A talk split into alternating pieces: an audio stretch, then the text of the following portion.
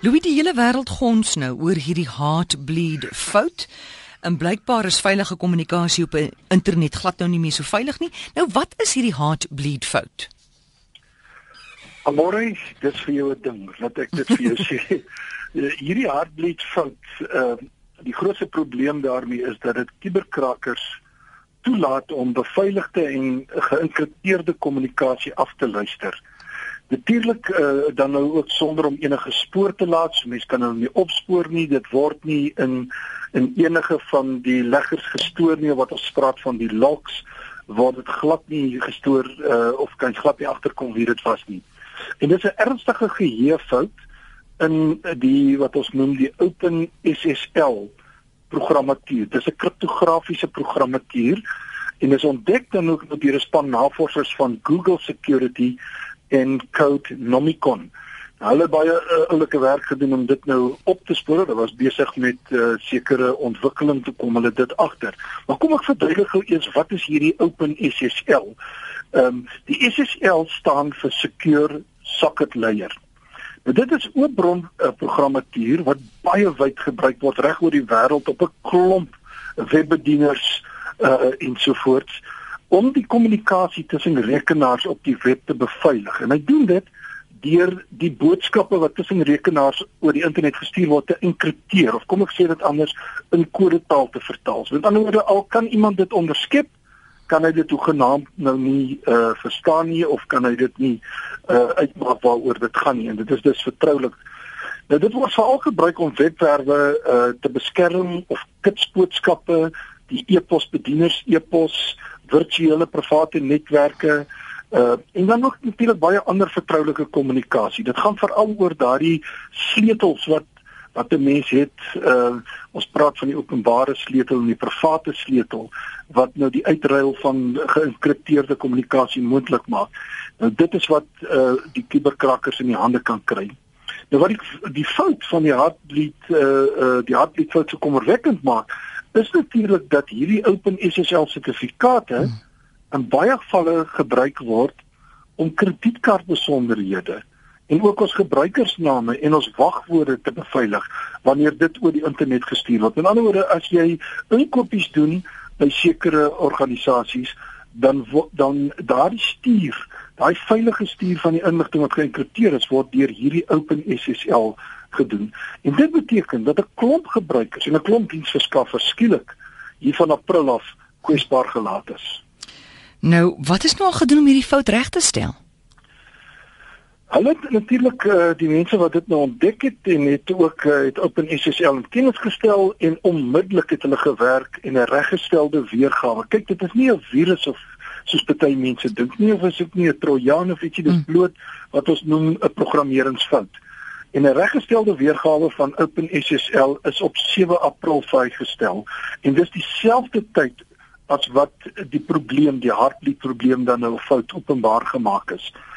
En op daardie tydstip het hulle bereken daar so ongeveer 600 000 van die internet se bedieners uh, wat as veilig gesertifiseer is wat toe nie meer veilig is nie, wat kwesbaar was.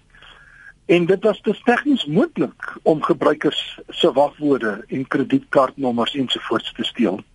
Nou baie organisasies het toe dadelik aan die werk gespring toe hulle dit nou verneem en dit is baie wyd verkondig en hulle die fout uh, so gou as moontlik probeer regstel. Nou sommige van hulle is Google byvoorbeeld, want Gmail was geraak en YouTube was geraak. Facebook het reggestel, Tumblr, Yahoo en dan die baie gewilde Dropbox en dan nog 'n hele klomp ander. Maar weet jy wat my ontstel het is dat daar gister gerapporteer is en daar's ek nou 'n komitee wat terugrapporteer en ek sien party van die regerings het dit ook baie ernstig opgevat want hulle het natuurlik nou ingebreek eh, by onder andere die belasting uh diens van Amerika en hulle het ook mense se nommers daar identiteitsnommers gesteel.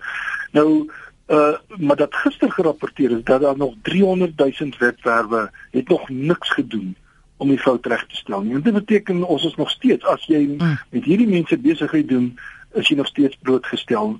Nou uh talletjie bekrakkers het dan nou ook op die 8de April, kan jy dit glo, net nadat dit bekend geword het, dit hulle onmiddellik toegeslaan en uh, heelwat uh, vertroulike inligting gesteel. Uh, een van die grootes, hulle het die ou ook gevang uh nogal weet nie hoe nie in Amerika wat identiteitsnommers gesteel het van mense. Sjoe, nou wat kan ons as gebruikers doen om onsself te beveilig? Dit is nogal vir my 'n moeilike vraag om te beantwoord want as jy gaan kyk dan sal jy sien dat daar baie uiteenlopende menings uh, oor hierdie saak nogal is oor wat ons as van 'n gebruikerskant moet doen.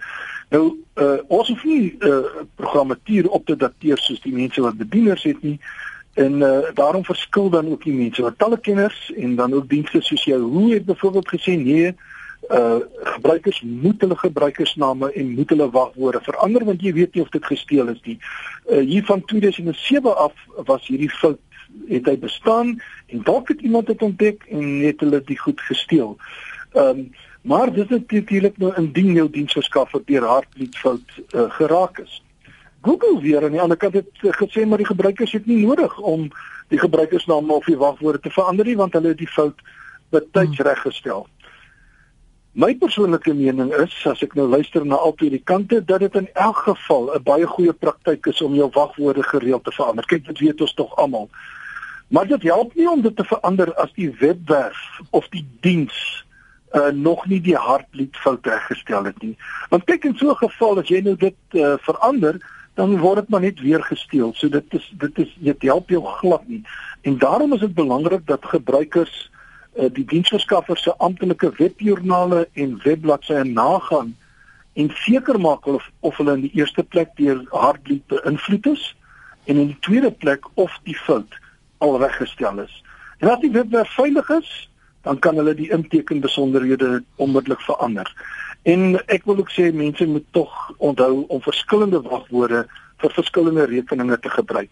En dan kan mense ook iets anders doen en dit is natuurlik om deesdae wat gewild raak 'n twee-faktor verifikasie te gebruik indien dit beskikbaar is. 'n Twee-faktor uh, verifikasie bevat uh, twee sekuriteitstappe voor jy toegang kry.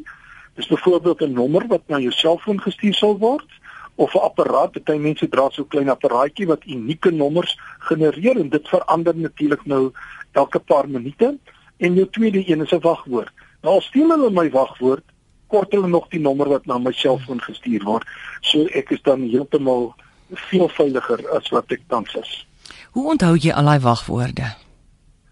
Louis Dit is dit is 'n verskriklike belangrike ding wat jy daar sê want die die die, die probleem is dat ons baie keer maar dieselfde woord oral gebruik. Nou wat wat uh, uh wat beter is om te doen is om vir jou 'n logiese metode uit te werk jy gebruik sê nou maar uh die dit is die enige naam RSG en ek het 'n wagwoord vir RSG dan besluit ek ek gebruik die middelste letter of die eerste letter of die laaste letter of die middelste e, en die laaste letter en dan gebruik ek sekere eiendomlike woord wat ek wil gebruik en dan eindig ek ook nog met plusse of minusse of 'n uh, teenteken mm of enige van die ander. So jy sit syfers in en so, maar jy maak een bekende woord en jy maak 'n logika dat jy weet watter hoe begin hy vir okay. elke werk. So jy werk dit logies uit.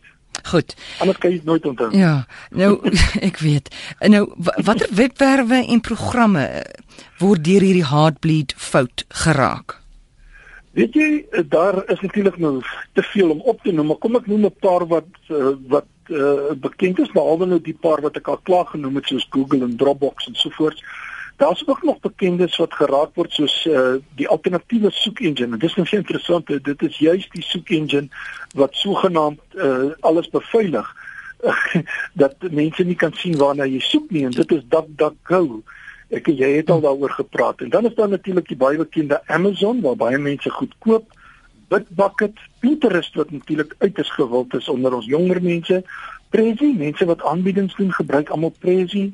Uh Reddit, Sourceforge is so 'n uh, oop plek waar jy oop bron uh programmatuur kan aflaai. Wikimedia en Wunderlist. Wunderlist is die wat jy so 'n doenlysie kan maak baie gewild. Nou dis almal webwerwe wat uh, uh, mense net seker maak of dit al reggestel is. En dan bekende programmatuur wat kwesbaar is, dis ook nog 'n probleem is sekere weergawe van LibreOffice. Nou dit is 'n uh, gratis 'n uh, oopbron 'n uh, uh, woordverwerkingspakket en 'n uh, sigblad en aanbiedingsprogram uh, so meer. Log me in, dit wat vir jou al jou wagwoorde onthou byvoorbeeld hy is so geraak met al jou wagwoorde. McAfee die antivirus uh, program is geraak hierdeur en dan ook baie speletjies wat ons jong mense speel. Steam, die beroemde Minecraft League of Legends, Path of Exile, ag en nog nog talle meer. Moenie dink die slimfone of die tablette het het nie ook deurgeloop nie. Android, die ouer weergawe 4.11. Ons het nou weer 'n nuwe weergawe, maar baie mense loop nog 4.11. Dit is geraak. AirPod, die baie bekende basisstasies wat ons gebruik vir koordlose koppeling, Cisco roteerders wat ons oral by ons werk en meer gebruik en natuurlik nog baie meer apparate. Daar is so baie wat geraak is. Mense moet 'n bietjie lees en 'n bietjie dophou en op die oomblik versigtiger wees totdat al hierdie foute reggestel is.